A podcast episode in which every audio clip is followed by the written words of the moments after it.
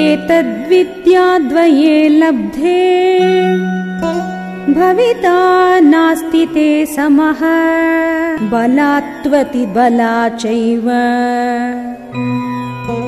सर्वज्ञानस्य मातरौ।